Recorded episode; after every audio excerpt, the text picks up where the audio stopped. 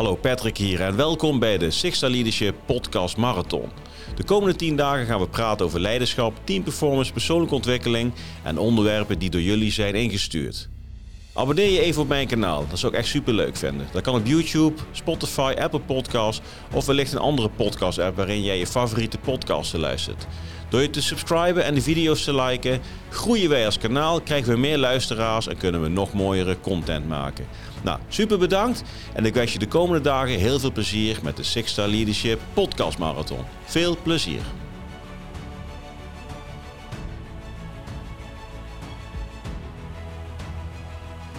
Ja, goedemorgen allemaal. Goedemorgen. Het is uh, 13 december. Het is uh, alweer de tweede dag van uh, de Sixth Leadership Podcast Marathon. En voor iedereen die gisteren gekeken of geluisterd heeft, was natuurlijk de introductie van, van de marathon. We hebben wat verteld over Sixth Leadership. Ik heb wat verteld over wie ik ben. En uh, uiteraard uh, zijn er ook al wat uh, leuke dingen voorbij gekomen aangaande de onderwerpen van Sixth Leadership. En vandaag gaan we het hebben over de overgang van defensie naar het bedrijfsleven. En um, nou, het is vandaag echt fantastisch mooi weer. Ik denk dat iedereen heeft ervaren hoe mooi Nederland kan zijn in de winter. Het is blauw, het is ijzig, het is een beetje wit door de aangevroren vocht die in de lucht hangt. Rijp heet dat volgens mij. En uh, dan denk ik ook weer terug aan mijn tijd bij Defensie. Want uh, nou, de mensen die uh, kijken en luisteren, die ook op uitzendingen zijn geweest, en dan met name naar, naar Bosnië. nou, dan gingen wij in de ochtend gingen wij dan op het, op het kamp. Ik zat zelf in, in Knezevo in 98 en in Obotnik en Sisava in 2003. En dan in de ochtend werden die voertuigen gestart. En dan eh, werden die diesels uh, aangezwengeld. Dan werden de kachels opgetopt.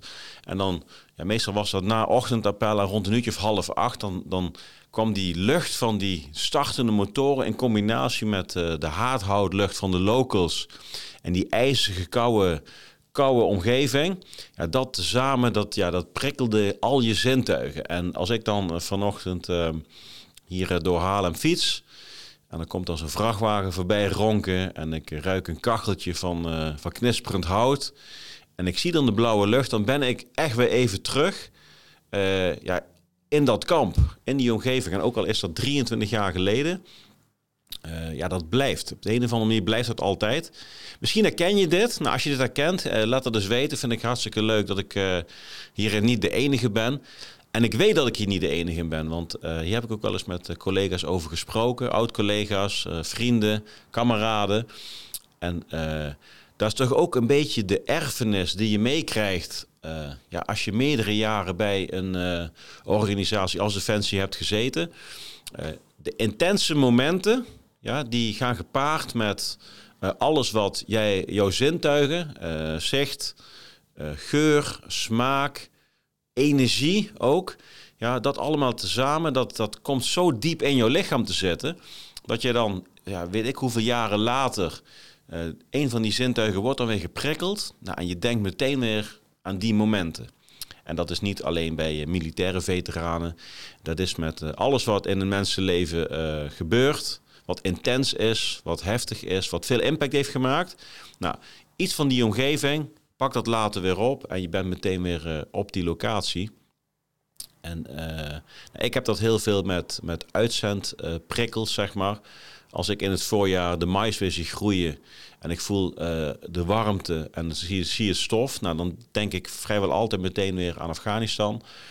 En dat is wel je lichaam, dat is wel je leven, dat is je rugzak. Ja, en nou, dan maak je dus de overgang, want daar gaan we het vandaag over hebben, de overgang van defensie naar het, uh, het bedrijfsleven of de burgermaatschappij. Maar dit neem je wel allemaal mee. En dat betekent dus dat jij uh, eigenlijk als een persoon die vaak nog ergens anders is met zijn hoofd ja, en met zijn hart, plotseling functioneel moet gaan worden in een andere omgeving. En dat is, ik zal mijn ervaring delen en ook wat ik daarmee heb gedaan. misschien heb jij een andere ervaring. Nou, deel deze dan gewoon met Ja, met mij, met ons. Ja, dan kunnen we daarvan van leren met z'n allen. Want ik denk dat dit niet alleen vanuit defensie interessant kan zijn, maar ook als jij overstapt van het ene bedrijf naar een ander bedrijf. Verschillende culturen. En dan laat je ook een cultuur achter en dan stap je in een andere cultuur. Dus het zijn gewoontes, het zijn rituelen, het zijn symbolen waar je eigenlijk door gevormd bent. Vorming vind ik een heel mooi woord, ja, want uh, dat gaat net een stukje dieper dan dat je jezelf iets aanleert. Maar je wordt eigenlijk gevormd tot ja, een, een persoon.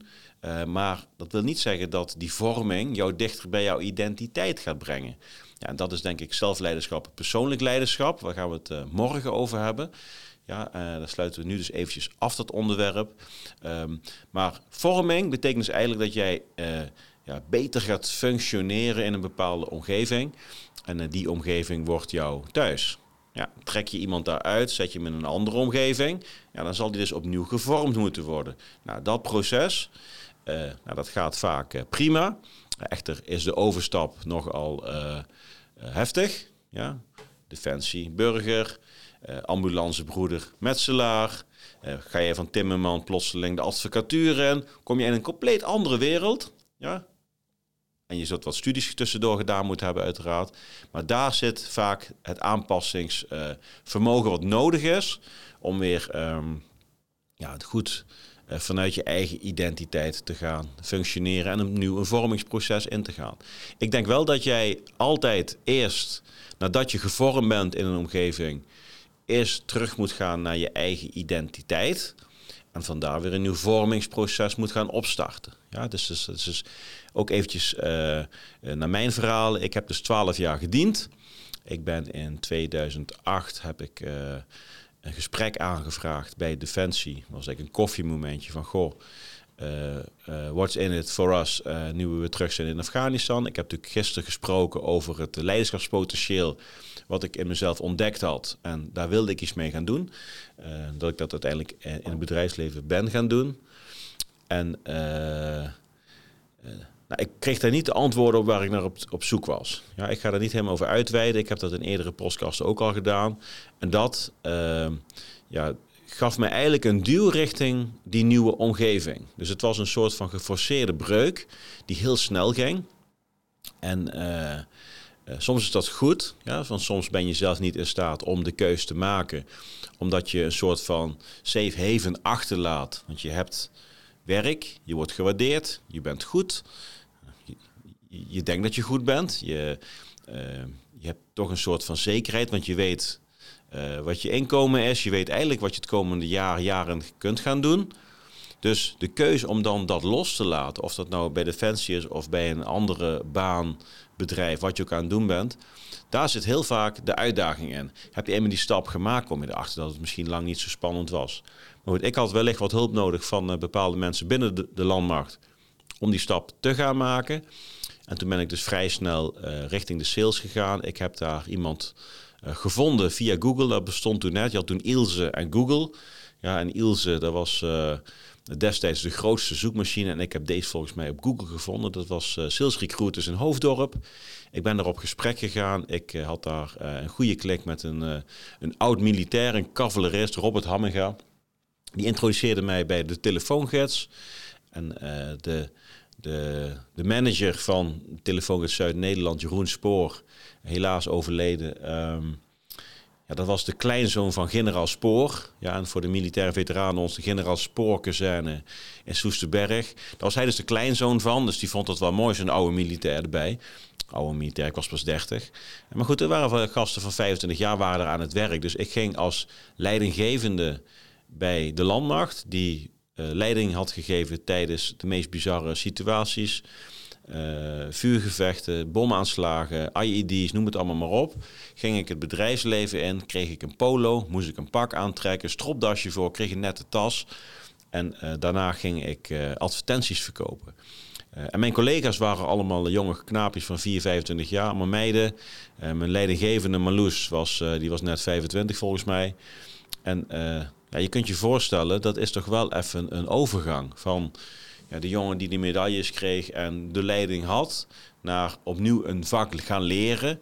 En van daaruit weer dat gaan doen waar je veel plezier van krijgt. En dat is dus leiding geven aan een team. Maar ja, als je het vak nog niet kent, vaak is het toch goed om eventjes ja, ook in de materie te duiken en jezelf dat eigen te maken. Al ben ik ook overtuigd van het feit dat je als goede leidinggevende, en heb ik later ook ervaren, nou, ga gewoon een bedrijf in en kijk en leer. Ja, en jouw toegevoegde waarde als leidinggevende uh, is uiteraard uiteindelijk uh, toch het overzien en het faciliteren en creëren van een goede omgeving waarin de experts hun rol kunnen pakken. Nou, dat is team performance, daar komen we ook nog op terug de komende marathon. Maar voor mij was het wel een cultuurshock. En ik, ik zat nog helemaal in mijn mindset van 20 uur per dag werken, gasten erop en targets halen. Nou, mijn collega's die, die hadden die mindset niet. Ik vond dat toen verschrikkelijk. Ik snapte dat ook niet. Uh, dus ik zocht het heel erg bij de ander. En misschien is dat wel bekend voor jou. Ja, en misschien heb je dat zelf ook wel eens ervaren. Op het moment dat je zelf een overstap maakt vanuit een organisatie waarin je zelf overtuigd van was dat het high-end is, dat jullie de lat hoog leggen, dat wij de lat hoog legden, dat de dingen die ik had meegemaakt, ja, zoveel meer uh, ja, van mij gevraagd hadden dan dat ik wellicht nu in een nieuwe omgeving zag. Dan ga je heel snel de ander uh, veroordelen dat zij uh, ja, wat slapper zijn, dat zij niet zo goed zijn. En daar zat ik in het begin heel erg mee uh, in dubio. Van, goh, weet je wel Patrick, jij kunt goed sales na een paar maandjes, jij haalt de targets, jij hebt die discipline. Dus je neemt al die vorming van je vorige omgeving neem je mee naar je nieuwe salesomgeving, voor mij in dit geval. Ja, en dat botst dan gewoon. Want je hebt ook de mensen nodig om je heen ja, die jou daarin ook ondersteunen. Want uh, succesvol zijn is niet alleen maar in cijfers. Succesvol zijn is ook connecten met andere mensen. Connecten met mensen waar je denkt van ja, die had ik bij het leger niet eens aangenomen.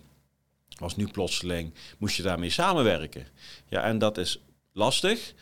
Uh, en dat proces is denk ik wel heel belangrijk om daar of ondersteuning bij te vragen.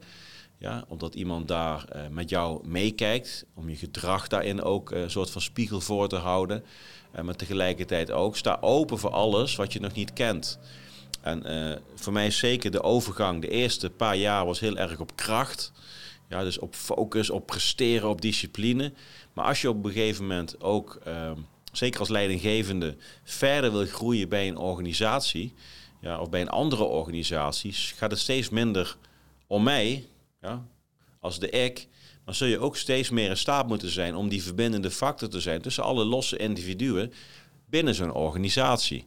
Ja, en voor mij was het echt wel een eye-opener ook dat uh, ik ontdekte van, goh, Patrick, je bent goed in wat je doet, alleen de mensen die volgen jou alleen maar omdat jij een soort van, uh, ja, misschien iets te militaristische kijk op de zaak uh, hebt. En dus ook op die manier aan het aansturen was. Ik was nu echt aan het aansturen. Ik zat er extreem kort op.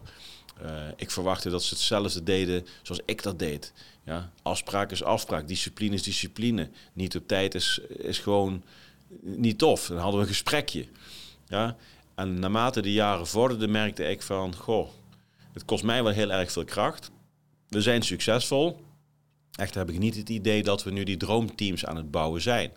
Ja, wat ik bij Defensie wel van elkaar kreeg, kreeg ik in de burger wel van elkaar wat betreft resultaten.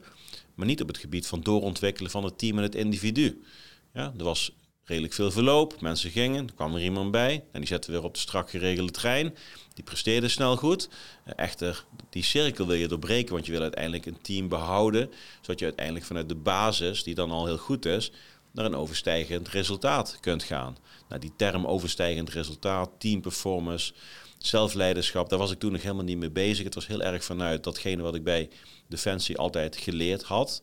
Ja, en, en ik ontdekte eigenlijk van, goh Patrick, um, je loopt jezelf in de weg. Ja, dus mijn overgang van Defensie naar het bedrijfsleven was succesvol. Uh, maar naarmate de tijd vorderde, kwam ik erachter dat ik mezelf in de weg liep. Ik, ik blokkeerde eigenlijk de vorming van de nieuwe Patrick in een nieuwe omgeving, omdat ik te dicht bij de Patrick bleef uh, die ik, uh, of wie ik bij Defensie ben of was geworden. Ja, en dat was voor mij dus ook een aanjager om eerst eens naar mezelf te gaan kijken. Ja, en een van de onderwerpen waar we dus morgen over gaan praten is zelfleiderschap.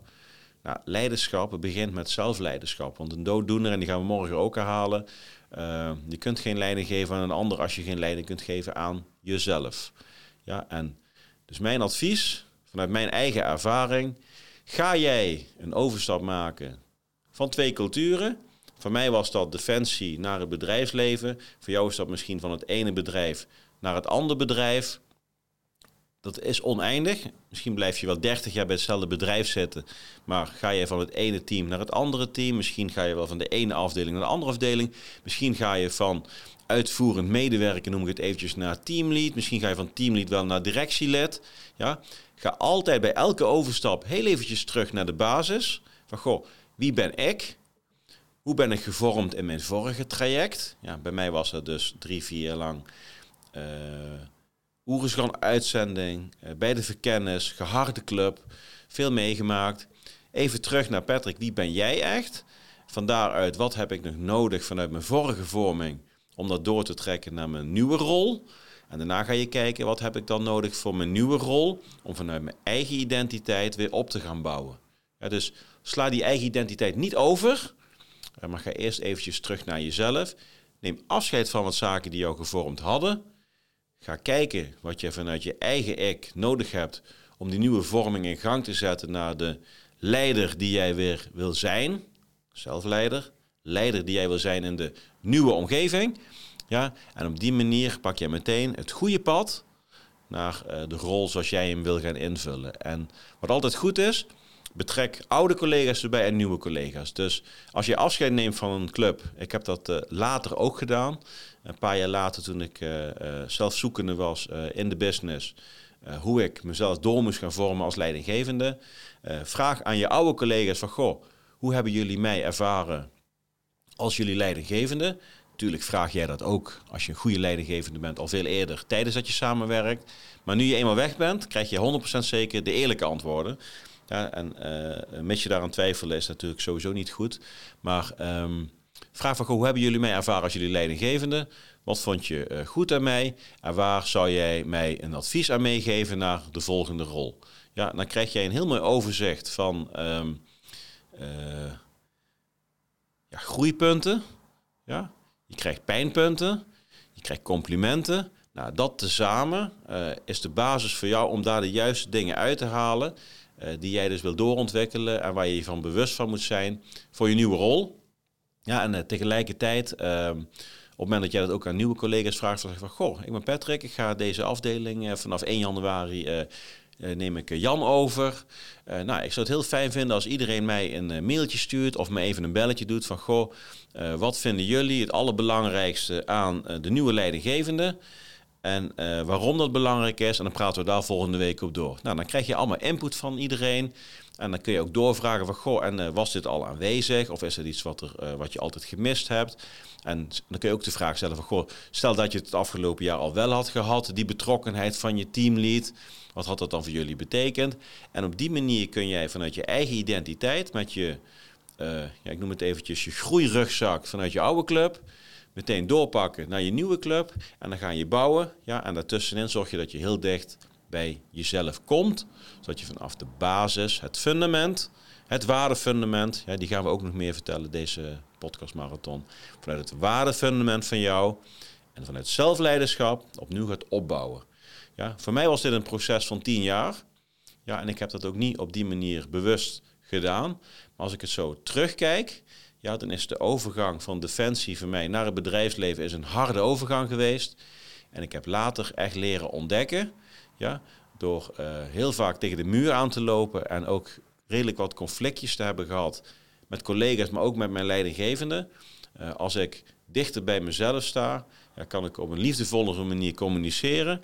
Ben ik beter in staat om mezelf te vormen tot de rol, invulling van de rol die past bij de nieuwe opdracht. En op die manier zal ik altijd meer in verbinding staan met uh, de mensen en de organisatie waar ik het voor wil gaan doen.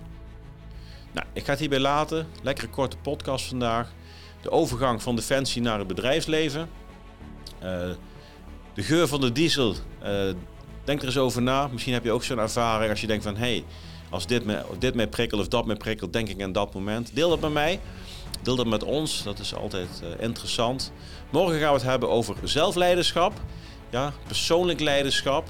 Uh, denk ik haakt ook aan op de overgang die we zojuist gemaakt hebben van defensie naar het bedrijfsleven. Ja, en uh, zelfleiderschap is mijn inziens de kern van heel veel dingen die we op een dag doen. Ook de doelen die we stellen en de weg er naartoe. Nou, ik wil jou bedanken. Like de video, ja, subscribe je eventjes op dit kanaal of op de app waarin jij aan het kijken bent. Check ook het linkje voor het event van 27 januari waar we mooie dingen gaan delen over waardengedreven leiderschap. Rembrandt Joosten, inspirerend spreker en ik heb vanochtend de locatie al bezocht. En dat is Basecamp hier in Haarlem. Hele mooie plek, hele mooie zaal. Ja, en daar gaan we een fantastische ochtend beleven samen. Nou, tot zover. Nogmaals bedankt. En ik hoop je morgen weer te zien voor dag 3 van de podcast marathon. En dan gaan we het hebben over zelfleiderschap. Ik zeg Patrick hier, einde bericht.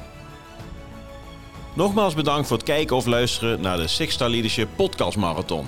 Check de linkjes in de beschrijving voor het event en eventueel andere zaken. En hoop ik jou morgen weer te zien bij de volgende aflevering van de Six Star Leadership podcast marathon. Tot morgen.